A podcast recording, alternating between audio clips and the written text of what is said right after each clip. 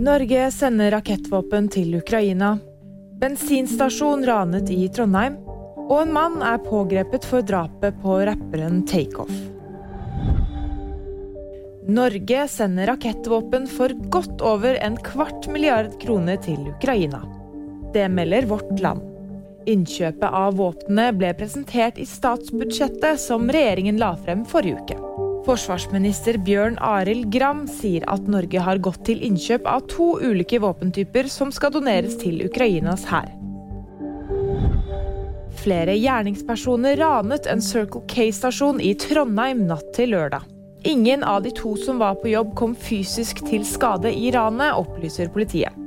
De ønsker ikke å kommentere om eller hva ranerne fikk med seg av utbytte. Ransmennene er fortsatt på frifot, og politiet ber om tips i saken.